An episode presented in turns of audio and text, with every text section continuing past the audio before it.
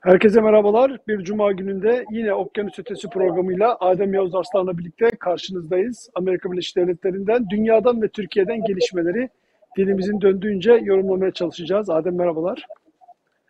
Merhaba, kolay gelsin.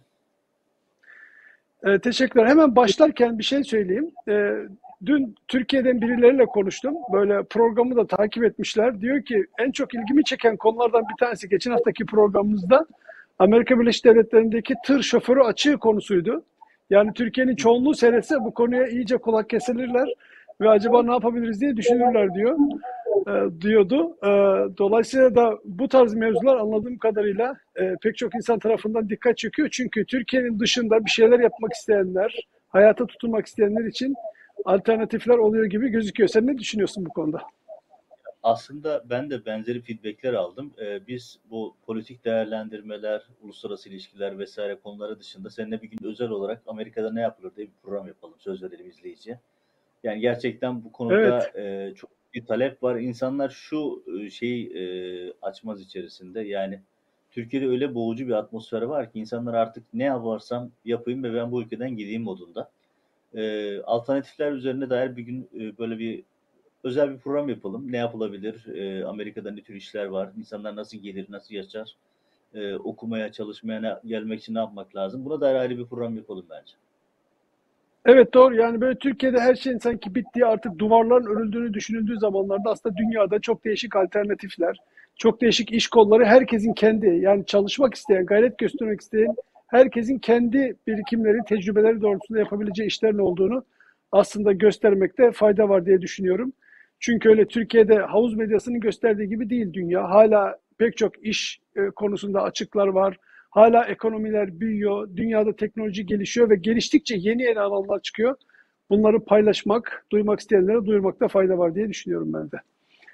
Ee, evet istersen yeniden Amerika Birleşik Devletleri'nden devam edelim. Şimdi Aralık ayının e, ikinci yarısının ortalarındayız ve tam olarak aslında bugün tam olarak dün diyeyim daha doğrusu Biden'ın e, iktidara gelişinin, başkan oluşunun ve resmen koltuğa oturuşunun birinci yılı doldu. Bu birinci yılla alakalı hem değerlendirmeler var hem de Biden'ın kendi konuşması var. Onu senin ağzından dinleyelim istersen. Aralık ayı deyince ben bir an için takvimleri karıştırdığımı düşündüm. Biz yeni yıla Ben girmedik Aralık mı dedim? Aralık mı dedim?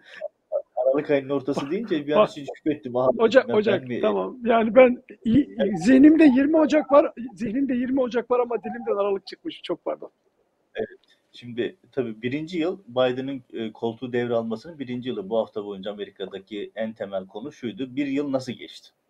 Amerika'da Biden yönetiminin birinci yılı değerlendirmesi. Burada bir gelenek. Yani Türkiye'de maalesef bunu Erdoğan yapmıyor. Bakın Putin bile yapıyor bunu.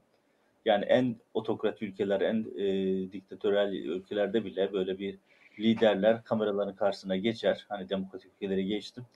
Putin bile bunu her sene kapsamlı bir şekilde yapıyor. İnsanların karşısına geçiyor, kameraların karşısına sorulara cevap veriyor. Biden da yaptı bunu. Birinci yılı değerlendirme toplantısını yaptı. Herkes Biden'ın birinci yılını değerlendiriyor. Bu noktada e, Time'ın güzel bir kapağı var, yeni kapak. E, Biden görev devraldığında tam anlamıyla darmadağınık bir Beyaz Saray. Evet şu görüntü. Yani birinci sağdaki fotoğraf birinci günün fotoğrafı, soldaki de birinci yılın fotoğrafı. Yani durum pek parlak değil. Yani birinci yıl, gün tam anlamıyla bir e, darmadağınık bir Beyaz Saray devralmıştı. Bugün bir yıl geçti. Hala sorun çok fazla ve yine kara bulutlar dolaşıyor Beyaz Saray'ın üzerinde. E, her yerden yağmur yağıyor. İşte gördüğün gibi Biden işi zor. Tabii bunun ön belirgin özelliği şu anketler. E, Biden'ın birinci yıl sonucu anketleri çıktığında Biden'a olan destek en düşük seviyeye düşmüş durumda. Yani bu Trump için çok iyi haber. Trump'ı geri getirmek isteyenler için çok iyi bir haber. Çünkü Biden'ın birinci yıl performansı onlar için büyük bir fırsat verdi. Ve bu tartışma alevlendi. Şimdi Trump tekrar sağdan soldan kafayı çıkartıyor ben geri geliyorum falan gibi. Ama Biden'ın birinci yılında tabii dikkat çekici nokta Covid meselesiydi. Covid ile ilgili yapılan bütün çalışmalara rağmen Covid yine halihazırda en önemli gündem. Zaten kapakta da gördün. Ee, ama bunu yaparken tabii şu da var. Ee, Biden e, bu konuda hayli enteresan e, bir tavır sergiliyor. Hep sürekli şey mesela bu hafta e, yeni bir takım imzalar attı. Bunlardan bir tanesi şu 1 milyon kit evlere ücretsiz dağıtılıyor. Yani sen yaptığını bilmiyorum. Ben yaptım. Bir, bir yer Yaptım, herhalde hı hı. gelmesi lazım. Evet yani e, giriyorsunuz adresiniz posta kaydı şeyinizden talepte bulunuyorsunuz. Evinize ücretsiz kit gönderiyorlar ki bu birçok şey için çok ciddi kolaylık. Bu önemli bir aşama. Ee, bir takım ekonomik düzenlemeler aynı şekilde getiriliyor. Bir takım e, maske dağıtımları vesaire. Yani Covid yine Biden'ın en önemli gündemi. Tabii herkes Amerika'da şunu konuşuyor bir taraftan da. Rusya Ukrayna'ya saldırırsa biz savaşa girer miyiz? Tabii birinci yıl temelinde bu da en çok konuşulan konulardan bir tanesiydi. Tabii eko- ekonomi e, Amerika Birleşik Devletleri'nde toplumun genel olarak gündemi. E, ekonomik gelişmeler aslında seçmenin de tercihlerini çok ciddi or- oranda etkiliyor.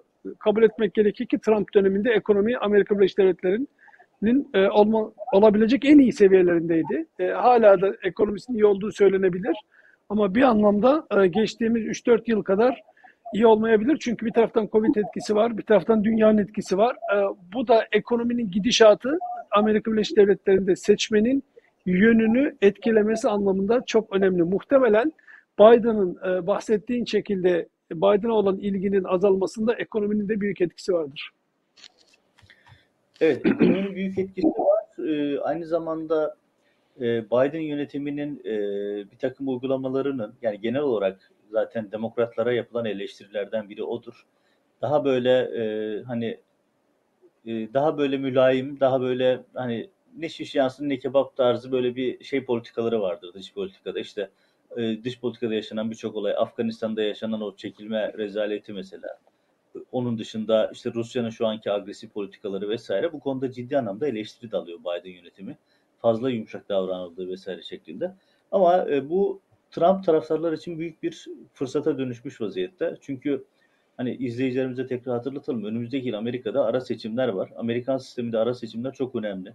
Parlamento çoğunluğunun kime geçeceği, senatonun temsilciler meclisinin dağılımı ile ilgili çok önemli sonuçlar doğurabilir. O yüzden aslında yani geçen sene seçim vardı ama yine seçim atmosferinde diyebiliriz Amerika'ya. Henüz e, sokaklara inilmemiş olsa bile her adım önümüzdeki yıl yapılacak ara seçimi etkiliyor.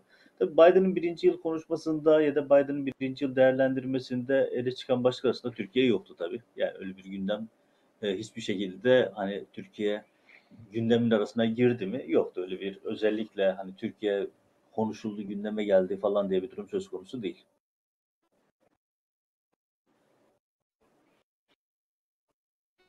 E, doğru değil. E, Ocak başındaki, geçen yıl 2021 Ocak başındaki bu kongre binası baskınıyla alakalı yankılar birinci yılının da tekrar derlenip toparlandı ve yine hala konuşulmaya devam ediyor.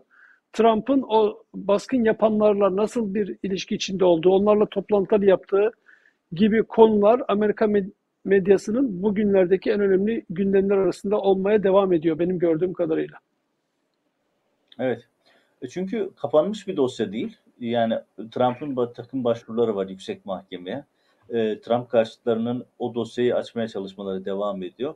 E, gündem ısınmaya devam edecek gözüküyor. Yani özellikle o 6 Ş- Ocak'taki Trump'ın rolü daha deşilmeye devam edecek gözüküyor.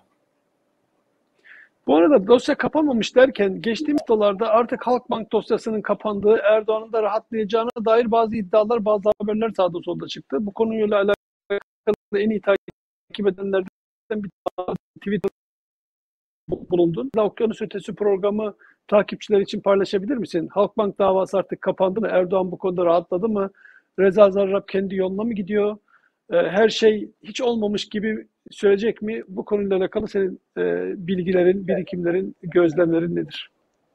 Şöyle ifade edeyim. Yani e, daha önce programlarda anlattım. Beklenen oldu. Aslında sürpriz bir şey değil. Yani Anayasa Mahkemesi'ne gidiyor Türkiye Halkbank üzerinden. E, Şimdi bir kere baştan şunu söyleyeyim. Dava askıya alındı, konu kapandı haberi doğru değil. Yani açıkça manipülasyon yaptılar ki bunlardan bir tanesi de yani BBC Türkçe'nin böyle dikkatsizce bir haber servis etmesine şaşırdım. Hani havuz medyasından alışırız böyle şeylere ama çünkü olay şu. Erdoğan rejimi önümüzdeki seçimler öncesinde yani Türkiye'deki seçimler öncesinde Halkbank davası başlasın istemiyor. Bu yüzden olmayacak yöntemler deniyor. Yani hukukçular diyor ki ya bu çıkmaz sokak buraya girmeyelim. Yani boşuna para harcayacağız, zaman harcayacağız. Önemli değil diyorlar. Bir sürü para harcanıyor. Milyonlarca dolar para harcıyor Türkiye bu konuda. Ve bu e, atımlar yani yapılan işlemler hukuken sonuç doğurmayacak işlemler ama bütün bu yöntemleri deniyor. İşte şimdi konuyu daha önce temizden iki defa red geldi ve bu son başvuruyla birlikte konuyu Anayasa Mahkemesi'ne götürme girişimleri vardı. Bu hafta içerisinde gelişen olay Anayasa Mahkemesi bu dosyaya bakacak. Yani inceleyecek. Kabul edip etmeyeceğine karar verecek. Yerel mahkemede dedi ki Anayasa Mahkemesi'nin kararını gelinceye kadar biz bu dosyayı bekletiyoruz. Yani aslında olan şey prosedürel işlem. Yeni bir durum yok ya da hani davanın seyrini etkileyecek bir şey değil bu. Daha önce bunları anlattık ama işte Türkiye'deki bu yalan haber furyası enteresan bir şey. Çünkü Erdoğan'ın en çok korkusu Halkbank davasının başlaması. Buradan çok ciddi korkusu var. Reza Zarrab kürsüye çıkınca neler anlatacak bundan çok ciddi korkuları var. Tabii ki Reza Zarrab'la ilgili burada tekrar izleyicilerimize hatırlatalım. Çok e, yanlış e, şeylerden bir tanesi de şu. Reza Zarrab işini bitirdi. Amerika'da keyfine keyif katıyor. Florida'da at çiftliğinde falan. Doğru. Reza Zarrab'ın keyfi yerinde. işlerini yapıyor. Hatta Türkiye'deki ticari faaliyetleri devam ediyor. Türkiye'deki ticari faaliyetleri devam ediyor. Altını tekrar çiziyorum. Yani bunu nasıl yapılabildiğini tahmin edebilirsiniz. Rüşveti önden vermeye devam ediyor Reza Zarrab. Ve bu isimle ilgili daha mahkeme yapılacak. Hani izleyicilerimize tekrar söyleyelim. Reza Zarrab'la ilgili bir final oturumu olacak. O da şöyle. Amerika'daki sistem savcı ile işbirliği yaptığınız zaman sizinle ilgili kararı en sonunda mahkeme yargılaması bittikten sonra sizinle ilgili özel bir oturum oluyor. Hakim sizle ilgili karar veriyor. Sizi yine tutuklayabilir. E, cezanızı affedebilir. Çünkü savcıdan savcı mahkeme diyor ki bu adam bize çok faydalı oldu. Şu şu şu bilgileri paylaştı. Davanın seyrini etkiledi. Dolayısıyla alt sınırdan ceza verilmesini talep ediyoruz ya da ceza verilmemesini talep ediyoruz. Ve o kararı verecek olan hakim henüz o oturum yapılmadı. Yani dolayısıyla Reza Zarrab'ın işi bitmiş değil. Onu tekrar hatırlatmış olalım. Çok fazla bilgi karmaşası var bu konuda. Reza Zarrab yarın bir gün yine Evet. mahkemeye çıkacak. Hani bu özetle söyleyeyim. Hani Halk Bankası davası askıya alındı, e, iptal oldu falan haberleri doğru değil. Yasal prosedür devam Yani- ediyor. Erdoğan oynuyor. Yani itirazlar oldukça mahkeme onu değerlendirmek için mahkemeyi ileriki bir zamanlara öteliyor. Dolayısıyla da aslında iptal edilmiş, kapanmış bir dosya yok. Sadece itirazların değerlendirildiği bir zamana ihtiyaç var. Gördüğüm kadarıyla öyle. Yani Anayasa Mahkemesi alırsa biraz daha uzar. Anayasa Mahkemesi bu benim ilgi alanıma, e, yetki alanıma girmiyor derse dava kaldığı yerden devam eder. Benim beklentim bu yaz davanın başlaması yönünde. Evet, istersen buradan Türkiye'ye doğru uzanalım. Ee, var mı bu arada eklemek istediğin Amerika Birleşik Devletleri'nden, Avrupa'dan gündemle alakalı eklemek istediğin bir konu? Yoksa Türkiye'ye doğru uzanalım. Türkiye uzanırken iki cümle şunu söyleyeyim. Ahim'den önemli bir karar daha çıktı. Daha doğrusu iki karar daha var. Biri doğrudan e, Türkiye'den, birisi de Bulgaristan'dan çıkan iki önemli karar. Bu kararlarla ilgili en temel nokta şu. Hani hep söylediğimiz şeyleri Ahim gecikmeli de olsa hayata geçiriyor. Bunlardan bir tanesi e, bir e, tanıkla ilgili verilen karar. Bir PKK mensubu ile ilgili bir kararı var Ahim'in. O karar bütün e, benzer davaları etkileyecek bir dava. Şöyle ki işte e, tanıklarla sanığın yüzleştirilmemesi sebebiyle davayı ahim bozuyor. Yani şöyle düşünün. Sizle ilgili 3 tane gizli tanık var ya da tanık var. Bunlar ifade vermişler. O ifade üzerine siz tutuklanmışsınız ama mahkemenin hiçbir aşamasında siz bu tanıklarla yüzleşememişsiniz. Diyor ki mahkeme bu, bu yaptığınız şey adil yargılama değildir. Bu olmaz. Bu neden çok önemli? Bütün 15 Temmuz davaları aynı statüde geçiyor. Ya da bütün cemaat davalarının ortak özelliği bu. Yani birileri çıkıyor bir ifade veriyor ama sen o if- ifade veren kişileri bir türlü görmüyorsun. Mahkemede yüzleşemiyorsun. Ya en basitinden şunu söyleyelim. İlker şey İlker Başbuğ nereden geldi? Şey e, Hulusi Akar e, ve e, Zekai Aksakallı, Yaşar Güler, Abidin Ünal gibi isimler. Bunlar 15 Temmuz'daki en kritik davaların hiçbirine gitmediler. Hiçbirine gitmediler. Meclise gitmediler. ifade vermediler. Savcıya gitmediler ve bütün bu davaların hepsi yani Genelkurmay Çatı, Akıncı, Özel Kuvvetler bütün bu kritik davaların hepsi aynı gerekçeyle bozulacak. Çünkü sanıklar diyor ki ya bize bu iddiaları atan kişiyle bir gözleşmek istiyoruz. Yani bir yüzleşelim. Bir sanık, e, sanık avukatları da bir sorgulama yapabilsinler. Ya düşünsenize Hulusi Akar ve Yaşar Güler için özel celse açıldı gece yarısında. Sanıklara haber verilmedi. Sanık avukatları gelemedi bile duruşmaya. Gizli duruşma yaptılar. Neden? Çünkü eksik konu, yani bu konunun başına bela olacağını da biliyor aslında şeyler, e, rejimin avukatları da ya da rejimin yargıçları da ama çaresi yok. Ahim'den dönecek. Diğer bir nokta da bu özellikle Bayrak ve benzeri konularda baş belası olan e, kararlar atan imza e, şeylerle ilgili YAHİM'in bir başka düzenlemesi daha var. Yine orada da bir takım teknik detaylara boğmayayım şimdi. Yani daha önce alınan kararlarda zaten bu davaları bozuyordu. Buna bir e, ek daha yapmış oldu AHİM. Yani iki karar da Türkiye'deki binlerce davayı etkileyecek e, kararlar, önemli kararlar gelmeye devam ediyor AHİM'den. Bu arada da Avrupa'da işkencecilerin de yargılanması başladı. Suriye'de işkence yapan bir e, polis e, Avrupa'da, a, Almanya'da yargılanmaya başladı.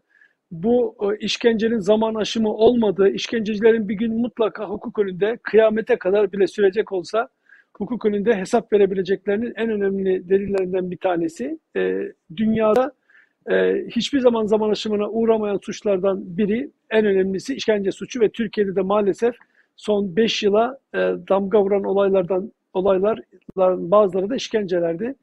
Dolayısıyla işkence yapanlar, onlara destek verenler, onlara göz yumanların da e, en azından gelişmiş ülkeler anlamında baktığımızda bir gün mutlaka hesap vereceklerini bilmeleri anlamında önemli bir gelişme oldu bu aralar Avrupa'da.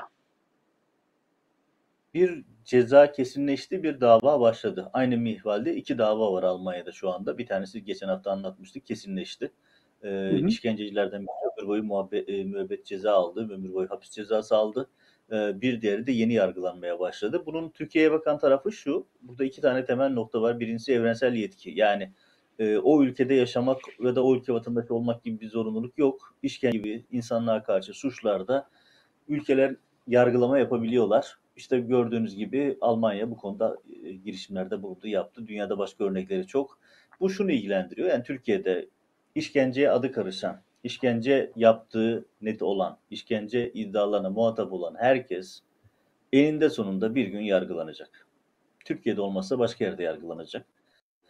Eninde sonunda yargılanacak kaçışları. E, Adem şunu sormak istiyorum. Mesela e, bir cezaevinde işkence yapan bir gardiyan ya da bir istihbarat sorumlusu ya da işte birini uçakla kaçırıp uçaktayken daha işkence yapan işte istihbaratın adamları ya da öbür tarafta karakolda e, sorgulaması sırasında işkence uğrayan polis tarafından işkence yapılan işkence işkence uğrayan insanlar işte Gökhan Açıkoğlu örneğinde olduğu gibi işkenceyle öldürüldüler. Bunların isimleri kimisi biliniyor, kimisi belki araştırılıyor, kimisi belki sonra bilinecek. Bu isimler bir şekilde bir yerlerde kayıtlara mı geçiyor? Bu kayıtlara dünya nasıl e, ulaşıyor? Dünya hukuk sistemi bunları nasıl takip ediyor? Bu konuyla alakalı bir bilgin var mı? Şöyle mesela Türkiye'de bunu takip eden yerler var. Ee, özellikle işkence iddiaları, cemaat yönelik operasyonlar konularında yurt dışında e, bulunan bir takım hukukçular e, bir takım web sayfaları üzerinden e, bunları takip ediyorlar, yayınlıyorlar. Bunlar herkese de açık. E, hatta son derece iyi takip ediyorlar. Ben o siteleri de takip ediyorum. E, bunlar özellikle bu Purge gibi yerlerde çok aktif olarak e, takip ediliyor. Gün gün hangi şehirde hangi operasyonun yapıldığı, hangi işkence iddialarının olduğu tek tek kayda geçiyor. İşkence raporu diye bunlar da ilan ediliyor zaten. Dolayısıyla bu isimlerin e, işkence iddialarına karışan isimlerin kaçacak yeri yok. Hepsi kayıtlara giriyor. Bir de bu konularda şunu ifade edeyim. E, işkence gibi iddialarda e, tarafların şikayeti süreci başlatmaya yetiyor. Bunun örneğini Washington'da, Virginia'da gördük. Ee, bir tane Somalili albay, eski albay Amerika'ya yıllar sonra gelmiş. Burada izini kaybettirmiş. Burada Uber şoförlüğü yapıyor. Yeni bir hayat kurmuş, yeni bir isim almış vesaire. Sonra yıllar sonra arabasına binen bir Sudanlı bunu tanıyor.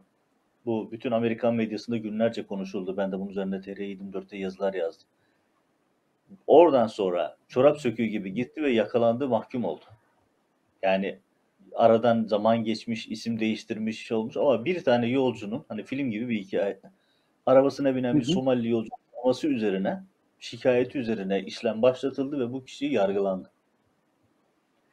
Dolayısıyla ha, evet. yapılmadı mutlaka bir yerden çıkıyor ama kaldı ki söyleyeyim yani Türkiye'den yaşanan, Türkiye'de yaşanan insan hakkı ihlalleriyle ilgili, işkencelerle ilgili düzenli istatistik çalışması yapan, düzenli raporlayan kurumlar, gruplar var ve çok da güzel işler yapıyorlar.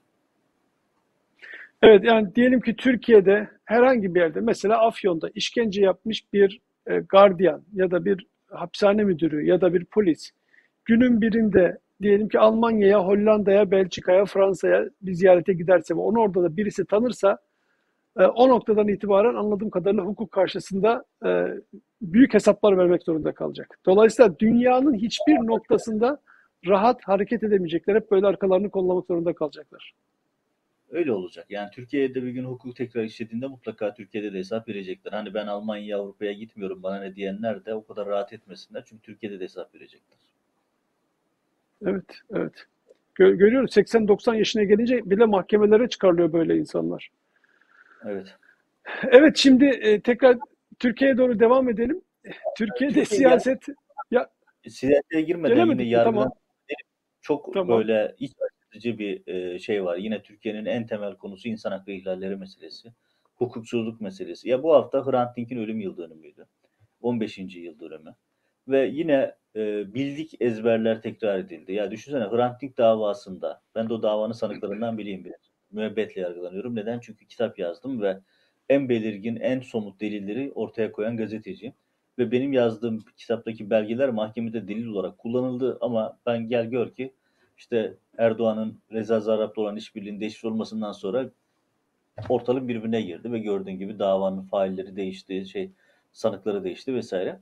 Ya burada şey bu hafta içerisinde çok rahatsız edici bir şeyle tekrar karşılaştık. O da şu. Ya Hrant Dink cinayetini bakın Veli Küçük yok. Kemal Kerimsiz yok. Ali Öz yok. Trabzon Alay Komutanı yok. Ee, tetikçileri ayarlayan askerler yok. İstanbul Emniyet Müdürü yok. İstanbul İstihbarat Müdürü yok. O dönem İstanbul Valisi yok. Bunların hiçbir davada sanık bile değil. Bunlarla ilgili hiçbir işlem yapılmadı. Dava gazeteci Ercan Gün'le birkaç tane polise ve emniyetçinin üzerine yıkıldı geçildi. Ve bir hafta içerisinde birçok işi ekranlara çıktı ya da işte gazete köşelerinde.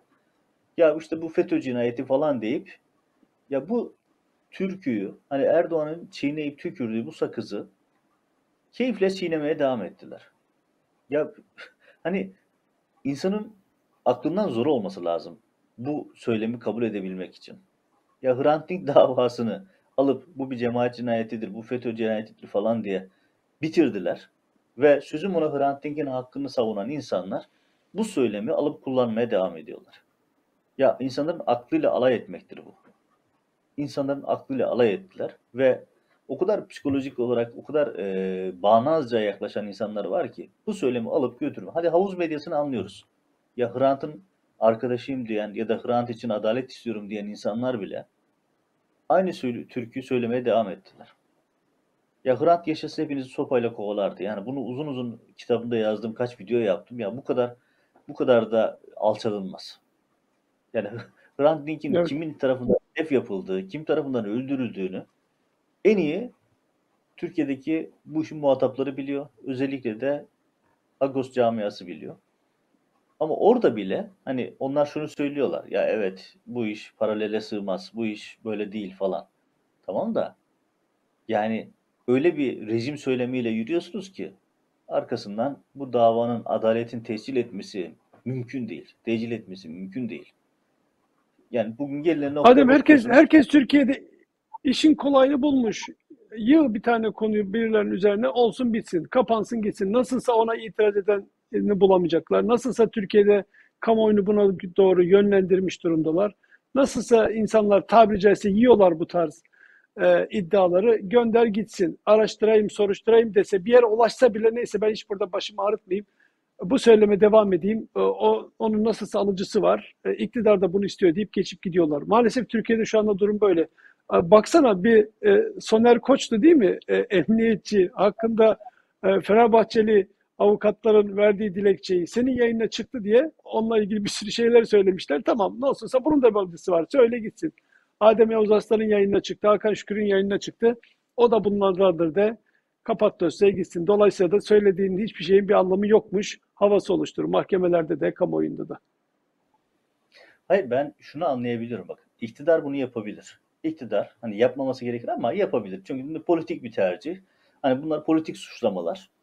Bunlar politik iktidarın gücü oranında varlar ya da yoklar. İktidar gidince bunların hepsi kalkar. Ya ben şunu anlamakta zorlanıyorum. Yani mağdur olan, konuya duyarlı olduğunu iddia eden, kendini aydın, eğitimli olduğunu varsayan, bu konuda bir iddiası olan insanlar bu Erdoğan rejiminin tükürdüğü sakızı çiğnemeye devam ediyor. Beni anlat, benim anlatmakta zor, anlamakta zorlandığım şey bu. Yani iktidar söyler, iktidar önüne gelen her türlü yalanı söyler. Çünkü bunların kıvraklığı zaten meşhur. Ama yani size ne oluyor? Yani aydınım, demokratım bilmem ne diyorsun. Ya işte bugün bakıyorsun Sezen Aksu'nun o yıllar önce söylediği şarkıdan çıkartılan kampanyaya bir başka sanatçı çıkıyor diyor ki sen de zamanında diyor yetmez hava evet demiştin. Ya bu bağnazlığın gerçekten izahı yok. Hani AKP'de yaşanan bu bağnazlığı biliyoruz, eleştiriyoruz ama bu sözüm ona seküler beyaz Türk laik ya da ne, de, ne derseniz deyin bu kesimdeki bağnazlık da kalır bir bağnazlık değil. Yani Sezen Aksu ile ilgili politik bir durumla karşı karşıyayız. Tamamen saçma sapan bir durum. Yani sırf din savaşı çıkarmak için uğraşan bir Erdoğan var. Ve bu noktada işte Yılmaz Özel'in işte Akrep Nalan'da şuna buna bir sürü insan da diyor ki siz zamanında da zaten diyor yetmez hava evet demiştiniz. Yani şimdi bu bağnazlığı neyle izah edeceğiz ben bilmiyorum. Evet. Yılmaz Özdemir artık yaranmaya çalışıyor. Böyle nasıl bir, görüntüsü bir türlü, söyledikleri başka bir türlü, yaptıkları başka bir türlü. Yani Türkiye'nin böyle değişik bir özeti bu adam bu adamda yani. Yılmaz Özdil hayretler içinde seyrediyorum. Bir bakıyorsun birilerini gaza getiriyor böyle Atatürk diyor, vatan diyor, millet diyor. Bir bakıyorsun hükümete çakıyormuş gibi davranıyor. Bir bakıyorsun öbür taraftaki insanları böyle eziyor, atıyor falan. Yani e, böyle izah etmek, vallahi analiz etmek de kolay değil bunları. Yok aslında yani izah edilebilir. Erdoğan'a muhalefet yapıyormuş gibi muhalifimsi e, tavırlar sergileyip tam da Erdoğan'ın istediklerini yapıyorlar. Erdoğan'ın gösterdiği tarafa doğru e, gürültü çıkartıyorlar. Bütün yaptıkları o aslında başka bir E şey niye, değil. niye yapıyor bunu? Neden yapıyor bunu? E, Rantı var. Muhalefetmiş gibi yapmanın rantı çok ciddi. Evet. Öyle. E E, şimdi Hrant Aksu Sezen Aksu mevzusu demişken Türkiye'de benzin olmuş 15 lira neredeyse. Bu hafta son 15 lira oluyor yani. Böyle tam yarın da zamlar geliyor yarın öbür gün. Benzin olmuş 15 lira. İnsanlar marketlere gidemiyorlar. Konuşuyorum diyor ki bırak arabamla karşıya geçmeyi Anadolu yakasından Avrupa yakasına. Metro ile metrobüsle geçmek istesem bile 30-40 liraya mal oluyordu. İnsanlar artık hareket edemeyecek hale gelmişler. Ama bunlar hiç yokmuş gibi.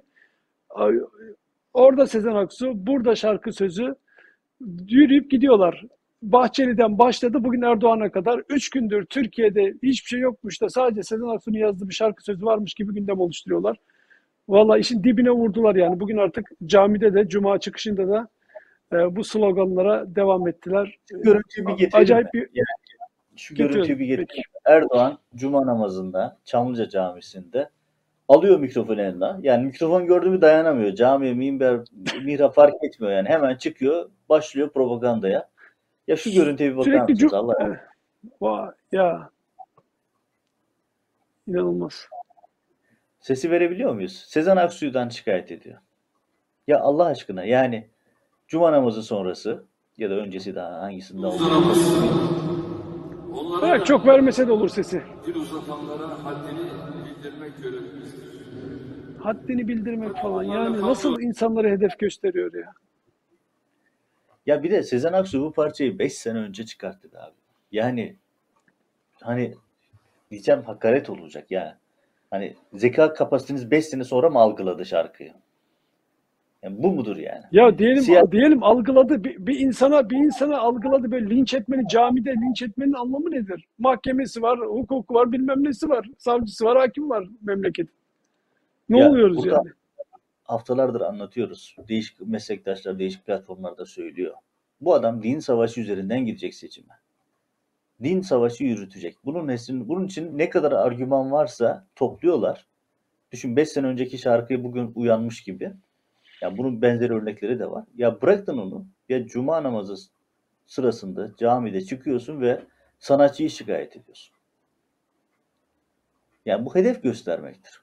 Daha Hrant Dink'i daha yeni konuşuyoruz. Benzeri hiç durmuyorlar. Sürekli birilerine hedef gösteriyorlar. E siz bu kadar hedef gösterirseniz sokakta birileri de çıkar bunlarla ilgili harekete geçer. Yani zaten Hrant Dink meselesindeki en büyük mes- şeyimiz oydu. Nokta oydu. Hrant Dink'i hedef yapan yani Genelkurmay'ın açıklamasını MİT Müsteşarı'nın oradaki tavrını İstanbul Valiliğine çağırıp te- tehdit etmeyi, hürriyetin manşetini bunların hiçbirini konuşmuyoruz. Vay cemaatçiler bu işi böyle yaptı, şöyle yaptı. Tam da onların istediği şeyi yaparak bu cinayeti en olmadık yerden konuşuyoruz. Ya, Sezen Aksu meselesinde de. Yani siyasetin yani dini istismarının en bariz örneklerinden birisi. Ya cuma namazında bari propaganda yapma ya. Şehit cenazesinde elini kolunu koyuyorsun tabutun üzerine. Oradan çıkıyorsun camide bunu yapıyorsun. Yani adam imkan bulsa gidip Kabe'de herhalde miting yapacak. Yani. Yani bir fotoğraf vardı hatırlıyor musun? Endonezya mı, Burma'ya mı bir yere gitmişti. Orada da bir namaza gitmiş. Herkes oturmuş. Ayakta namaz kılıyordu falan. Öyle yani şey bu hayatı buna göre böyle organize etmiş. Biraz da hedef kitlesini de böyle görüyor, biliyor. Şimdi verdi orada gazı millete. Yarın birkaç tane daha köşe yazısında bunlardan bahsederler. Abdülkadir Selvi biraz daha böyle Sezen Aksu bilmem ne konusuna girer. Sonra bu hafta sonunda böyle geçer. Zamlar falan onlar tamam hop diye aradan kaynar. Birisi bir şey diyecekse onu da sustururlar. Pazartesi bir gündem daha bulur. Yok mu? Araştırın demiştir adamlara, Fahrettin adamlarına. Bulun bir yerlerden bir şeyler. Onu ben de biraz, biraz da Bahçeli bir gündeme getirelim. Sonra onun adamları harekete geçsinler. Bir haftada öyle geçsin. Vallahi böyle haftalar, aylar geçip gidiyor memlekette. Ama yani milletin de tercihi bu. Diyecek bir şey yok. Bu tercihi Evet, millet öyle yaptı. gidiyor maalesef. Çalıyorlar Tabii ama bütün çalışıyorlar yaparken diyerek, çalıyorlar ama çalışıyorlar Evet, evet. diyerek millet yaptı. Tabii bunlar yaparken bir sürü şeyde gölgeliyorlar. Bak o insanları böyle sokaklarda öldürdükleri, beyaz toroslarla kaçırdıkları, helikopterlerden attıkları insanlar vardı Türkiye'de. Bunlar yaşanmadı mı? Yaşandı. Onlarla alakalı süren davalar vardı. Ne oldu o davalar? İstersen sen söyle. Söyleyeyim hemen. Bu hafta JITEM davası vardı Ankara'da. Ee, aralarında Mehmet Ağar'ın da olduğu 18 sanık vardı davada. 19 kişinin faili meçhul şekilde infazı, suçlama bu. Bak çok ağır bir şeyden bahsediyorum. 19 kişinin kaçırılıp infaz edilmesi suçlaması var. Mehmet Ağar da dahil olmak üzere. Peki bu davada tutuklu sanık var mı? Yok. Bakın gazetecilerin tutuklu yargılandığı bir ülkeden bahsediyoruz. Öğretmenlerin, insanların, gariban insanların burs verdiği, öğrenci bursu verdiği, himmet yaptığı ne bileyim işte e, kermes yaptığı diye insanların tutuklandığı bir ülkeden bahsediyoruz. Gazetecilerin, yazarların, çizerlerin tutuklandığı bir ülkeden bahsediyoruz. 19 kişinin faili meçhul bir şekilde öldürülmesiyle ilgili davada tutuklu sanık yok. Ve mahkeme dünkü duruşmada dedi ki birkaç tane şey vardı yurt dışı yasa onu da kaldırıyorum. Hala kaçmadıysanız kaçın falan gibi. Yani kaçmalarını gerektiren bir durum da yok. Mahkeme onları mahkum etmeyecek ama yani o kadar pervasız ki mahkeme, saray yargısı o kadar pervasız ki ya faili meçhul insan cinayetleriyle ilgili, faili meçhullerle ilgili bir davada tutuklu sanık yok. Kendi ağzıyla itiraf etmiş insanlar bunlar. Çünkü övünerek çıkıp ekranlarda anlatanlar olmuştu bunları. İşte terörle mücadele adı altında. Yani işkence yaptığını çıkıp ekrana anlatan insanlar var Türkiye'de. Böyle bir tablo içerisinde saray yargısı tam da o yeni kapı rejiminin bir özelliği olarak kapı rejiminde ne diyorum işte 15 Temmuz'da bir şeylerin ters gittiğini bildikleri halde muhalefet koştura koştura Erdoğan'ın yanına çıktı. Hep birlikte o meşhur fotoğraf verdiler el ele. İşte yeni rejim bu. Yeni rejimin de en belirgin özelliği bu tip yargı kararları. Yani düşünün faili meçhullerle ilgili mahkemede yargılamada tutuklu sanık yok. Yurt dışı yasağını da kaldırmış oldu. Yarın bir gün hepsini beraat edeceğiz. Adem şimdi sen şimdi bu konuda da uzman bir gazeteci olarak e, şimdi bakarsak bu JITEM davalarına aslında pek çoğu böyle Ergenekon çatısının altında yapılan işler. Bunu Türkiye'nin son 20 yılında bütün olup bitenler aslında çıplaklığıyla, bütün halleriyle görmüş olduk. Yani adam kaçırmalar, öldürmeler, suikastler, organizasyonlar vesaireler. Şimdi bugün yargıya baktığımızda bunları aklayan bir yargı grubu var. Bir taraftan da AKP'nin güdümünde onların kendi tabiriyle işte siyasetin köpeği olmuş bir tarafta devam eden bir yargı sistemi var. Böylece bunlar kendi aralarında bir işbirliğiyle yani AKP ve Ergenekon ekiplerinin bir işbirliğiyle mi şu anda bu yargı sistemini yönetiyorlar? Ya da bu biraz e, konspirisi mi olur yani komplo teorisi mi olur? Yo işte öyle değil. Aksine e, tam da tarif ettiğin gibi e, Erdoğan iş bir. Hatta ben geçen hafta şöyle bir geçen hafta diyorum. Geçen ay şöyle bir yazı Ergenekon okey yaptı diye. E, neyi kastediyorum? Kastettiğim şey şu. Ee, aralarında Umut Kitabevi, Şemdinli'deki Umut Kitabevi meselesi olmak üzere e, Cizre'deki ve bölgedeki birçok faili meçhul davanın, kritik infaz davasının 12 tane büyük temel davası vardı. Ve bu 12 davanın 12'sinde de beraat ettiler. Yani hani hiç olmayacak dava. Ya asit kuyularında insanları atıp infaz eden, eriten insanlar beraat ediyor şu anda. Ya Cemal Temizöz'ün ve Akber'de, Şemdinli'deki Kitabevi bombasındaki askerlerin Cemal Temizöz dediğimiz adam o dönemin alay komutanı. Ya insanları kaçırıp infaz etmesi o kadar meşhur ki beyaz toroslarla. Hani Şidre'de, Sırnak'ta, Silopi'de, İdil'de o bölgede yaşayan herkes bunu biliyor. Ee, o dönemin belediye başkanı Kamil Atab meselesi yine daha sanıklardan bir tanesiydi. O da beraat etti. Hepsi beraat ettirildi. Ya 12 tane temel davanın faili meçhullerle ilgili 12'sinde de beraat çıktı. O zaman hepimiz hayal gördük. Ya hadi diyelim ki o dönemki olayları inkar ediyorsunuz. E Bugün bugün insanlar sokak ortalarında kaçırılıyor. Beyaz Toros'un yerini siyah transporterlar aldı. Ve o kadar pervasız ki MIT reklam yapıyor. Televizyon TRT de reklam yapıyor. Adamları nasıl kaçırdıklarını, nasıl işkence ettiklerini Teşkilat diye bir dizi çekiyorlar. Orada anlatıyorlar. O dizide övünerek anlatıyorlar. İnsanları nasıl kaçırıyorlar, nasıl zulmediyorlar, işkence ediyorlar. E şimdi bu olay sadece bugünküne bakarak bile o dönemin, o 90'lı yılların başındaki faile meçhullerin, infazların doğruluğu konusunda şüphe duyabiliyor musunuz? Aynı kişiler çünkü. Mehmet Ağarlar, Ergenekoncu kadrolar ve bu anki, şu anki rejimde onların çok güzel perdesi oluyor. Evet. Yani bir taraftan tamamen Ergene, e, Ergenekon'la neredeyse talimatıyla hareket eden bir yargı sistemi. Öbür taraftan Erdoğan ve ekibinin talimatıyla onlar öyle bir sistem kurmuşlar. Şu anda Türkiye'yi işte zaten adalet mevzusunu bitirdiler. Adalet bitince de çorap söküğü gibi hepsi arka arkasına geldi. Ekonomiden sağlığa kadar her şey birbirini götürdü. Bütün bunlar olurken tabii seçime doğru şimdi Türkiye gitti. Belli. Yani Erdoğan en azından kendi seçmenini hazırlıyor seçime doğru. Belli yani bugünkü e, camideki propagandasında, propaganda modelinden de anlayabilirsin. Erdoğan şey yaptı artık tamam e, düğmeye bastı seçime doğru ilerliyor. E, fakat anketlerde de enteresan bir durum var. Anketler diyor ki yani Türkiye'nin seçime gittiğini biliyoruz ama e, geçtiğimiz muhtemelen birkaç seçimi de seçmen beyninin bir kenarında tutarak e, önümüzdeki seçimlerde hırsızlık olacağını düşünenlerin oranı e, kaçtı? %50'nin üzerindeydi galiba. 57. Dolayısıyla da böyle işte 57 parmak izi gelsin vesaire gibi diyenler var. Yani AKP seçmeni dahil artık Türkiye'de seçim sistemi belki de şu ana kadar en iyi çalışan sistemlerden bir tanesiydi. İşte seçim gibi ÖSYM gibi kurumlar. Onlar da iyice yıprattılar ve seçimlere karşı güven kalmadı. Hani şu bazı e, otokratik, e, despotik ülkelerde olduğu gibi %90'larla 99'larla falan seçiliyorlar ya. Dolayısıyla Türkiye'nin de öyle gideceğini düşünen insan sayısı bugün %57. Eğer birkaç seçim daha böyle gitse artık herhalde %90'lara çıkacak. Evet yani e, seçim gündemine giderken benim aldığım notlarda yargı ile ilgili önemli bir şey var. Rejimin karakterisini göstermesi açısından çok önemli. İzmir'de bir operasyon var. Hemen kısaca özetleyeyim. Çok önemli bir operasyon. İçinde AKP il yöneticileri dahil iki tane savcının olduğu, emniyetten, yargıdan bürokratların olduğu bir çete ile ilgili operasyon yapıldı. Çete ile ilgili operasyon yapılması e, sürpriz. Çünkü normalde Erdoğan rejiminde bu tip operasyonlar şöyle yapılıyor. E, paylaşımda sorun çıkarsa oluyor. Yani rüşvet paylaşımı ya da işte e, gasp edilen malların paylaşımında sorun Suç, çıkarsa suç olduğu daha- için değil yani. Yapılan işlemin suç olduğu için değil. Onlara göre böyle şeyler suç değil. Orada bir rant paylaşımı kavgası olduğu zaman bu iş yargıya in- intikal ediyor ya da bir şekilde gün yüzüne çıkıyor. Burada da muhtemelen öyle bir şey oldu. Ama özelliği şu. Ya daha önce FETÖ borsasının bütün detayları ortaya çıktı. Yine AKP il başkan yardımcılarından, oradaki İzmir'deki istihbarat müdüründen, savcılardan oluşan bir çete vardı. FETÖ borsası nedir? FETÖ borsası şu. Masum insanlara gidip seninle ilgili FETÖ soruşturması var. Şu kadar para verirsen seni dışarıya çıkartırız. Şu kadar para verirsen seni beraat ettiririz diyen bir çete var ve bu çete saraydan taşra teşkilatlarına kadar uzanıyor.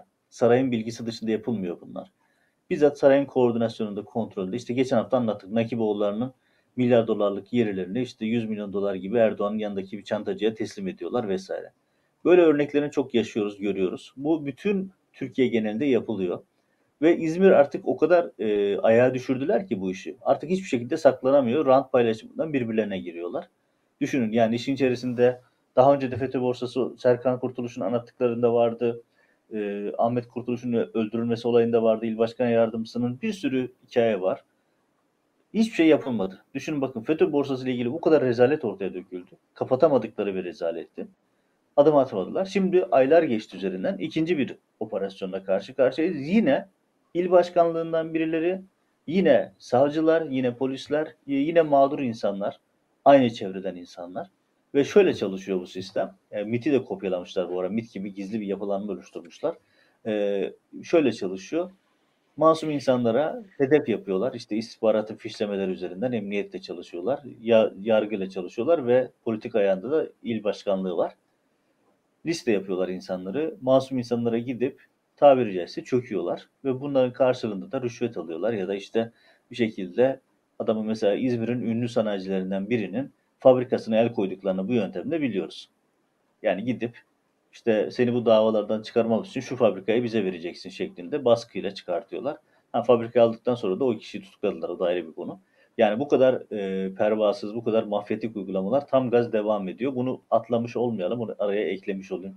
Şimdi senin soruna girelim. Bence en kritik Hı hı. soru zaten bu. Yani Türkiye'de herkes burnundan soluyor. Yani ekonomi dipte, enflasyon zirveye çıkmış durumda. Gördüm bu hafta içerisinde e, yandaş medya Türkiye enflasyonunu Avrupa'nın ortalaması gibi falan sunmaya çalışıyordu. Böyle komiklikler yapıyorlar. Ya o Yani- yönetmen arkadaşa sorabilirim. Bu Barlas'ı, Cemil Barlas'ı yayınlayabiliyor muyuz? Yayınlayabiliyorsak yazılarsan haber verirsen. Sana zahmet. Evet abi. Yani bu Barlas ailesi de enteresan böyle bir genetiğine bakmak lazım. Bu insanlarda bir tuhaflık var. Yani bir aile cümbür cemaat bu şekilde olabilir mi? Oluyormuş demek ki ilginç. Yani da Tamam not geldi yönetmen arkadaştan yayınlayamıyormuşuz o telif vesaire konusu. Tamam. E, şimdi konu şu. Şimdi Avrasya anketin ya da Metropol'ün son iki anketine özellikle baktım bugün. Neler var neler yok diye. Ya burada haftalardır anlatıyoruz. Bir avuç gazeteci haftalardır, aylardır şunu söylüyoruz. Diyoruz ki bakın muhalefetin en temel meselesi seçim güvenliği olmak zorunda. Çünkü seçimi çalacaklar. Daha önce çaldıkları gibi. Seçimi çalmalarını önlemek için yapmanız gereken işler var. Oy sayımından oyların sağlıklı bir şekilde merkeze ulaştırılması, işlenmesi, dağıtılması ile ilgili atılması gereken adımlar var. Maalesef şu ana kadar muhalefetten böyle bir şey görmedik. İşte bugün son ankette, Avrasya anketin son anketinde var. Halkın %57'si, bakın halkın %57'si seçimin çalacağına inanıyor. Seçimin çalacağına inanılıyor şu anda. Ve parmak boyası geri gelsin mi diyenlere verilen %60'ın üzerinde. Hani o ilkellik falan diye dalga geçiliyordu ya parmakları boyuyoruz, hala boyuyoruz falan peşmeken. Şu anda insanlar o noktaya döndüler çünkü yani seçimin çalınacağı konusunda çok güçlü bir inanç var. Daha önce yapanların bunun da zaten kaynağı. Yani Anadolu Ajansı Genel Müdürü diyeceksin ne alakası var? Anadolu Ajansı seçimlerinin sonuçlarını yayan kurum, resmi ajans. Cihan Haber Ajansı'na bu yüzden el koydular, kapattılar ilk önce. Anadolu Ajansı AK Parti Genel Merkezi'nden aldığı sonuçları seçim sonucu diye yayıyor yıllardır. Ve bunu artık öyle bir noktaya getirdiler ki Erdoğan 3 puan 5 puan aradaki açığı bu şekilde çalarak seçimleri götürüyordu. Ve önümüzdeki seçimdeki en büyük mesele de bu olacak. Ama maalesef muhalefet hala bu noktada işin ciddiyetinin farkına varmış değil. Muhalefet deyince ya bir de şöyle bir e, şeyi not edeyim. Dün CHP lideri Kılıçdaroğlu büyük Avrupa Birliği Büyükelçileriyle Ankara'da yemek yiyordu. Oradan Ha, Adem politik- geçmedi. Adem şu seçimle alakalı bir şey bir şey soru sorayım. O lütfen onu anlat lütfen ama seçimle ilgili sana bir soru soracağım. Sence Tamam, söyle. CHP'nin söyle tamam abi sen söyle. şunu söyleyeyim şöyle. Mesela Kılıçdaroğlu Avrupa Birliği Büyükelçileriyle konuşurken tabii Avrupa Birliği Büyükelçileri doğal olarak akıllı insanlar şunu soruyorlar. Ya ki nasıl yapacaksınız? Hani iktidara geleceksiniz de nasıl geleceksiniz? Herkes doğal olarak bunu soruyor. Ekonomiyle ilgili bir soru sormuşlar. O da demiş ki ya bunu Deva Partisi'ndekiler çalışıyor. Ya sen ana muhalefet partisisin. Ana muhalefet partisinin ekonomiyle ilgili sorulara cevabı Deva Partisi'ne havale ediyorsun. Tamam bu o işbirliği açısından örnek gösterilebilir ama ya bu bu şeyin bir bir şeyin çok somut bir örneği. Hazır değilsiniz. Yani ne ekonomi politik ya millet burnundan soluyorken ekonomi politika açıklayamıyorsun. Millet burnundan soluyorken hukuk reformu açıklayamıyorsun. Millet burnundan soluyorken KHK'larla ilgili bir şey söyleyemiyorsun. E diyorsun ben iktidara geleceğim. Nasıl geleceksin? Evet senin sorunu alayım. Evet şimdi bir, bir adım tekrar geri dönüyorum. Ee, CHP'nin sence son 3-4 yıl içinde organizasyonel olarak yaptığı en başarılı işlerden bir tanesi hangisiydi hatırlıyor musun? İstanbul seçimlerini hatırla. İstanbul seçimlerinde gene AKP oyları çalacaktı. Biliyorsun bir kere seçim oldu. Erdoğan araya girdi. ikinci seçim oldu. Ortalık böyle bir karıştı. Ama CHP kabul edelim hakkını verelim. Çok iyi organize oldu. Canan Kaptancıoğlu falan hatırlarsın o zamanlar. Yani sandıkların başında durdular, her şeyi anlık takip ettiler falan. Gerçekten edince ve çalınmayınca bir sonuç al yani daha doğrusu çaldırmayınca bir sonuç alabildiklerini gördüler. Bence bu anlamda yani oradaki motivasyonlarını bütün seçimlerde koruyabilseler, kendi tabanlarıyla, seçmenleriyle, partileriyle sandıkları koruyabilseler e, gerçek bir seçim ortaya çıkabilir diye düşünüyorum. Evet, yani çok önemli, çok hayati bir konu. Söylediğin şey çok önemli. Burada Canan Kaptancıoğlu ve İstanbul ekibinin e, yoğun çalışmasını takdir etmek lazım. Çünkü bu iş siyaset ekip işi, mühendislik işi ve bunu tüm Türkiye genelinde yapılacak mı, nasıl yapılacak sorusuna halihazırda muhalefetten bir çözüm göremedik. Yarın Türkiye yarın seçime gidecek olsa ya da seçim takvimi ilan edilmiş olsa muhalefet hazır mı? Değil. Muhalefet demişken şöyle bir isimlere bakalım. Erdoğan'la Bahçeli bir kenarda tutalım.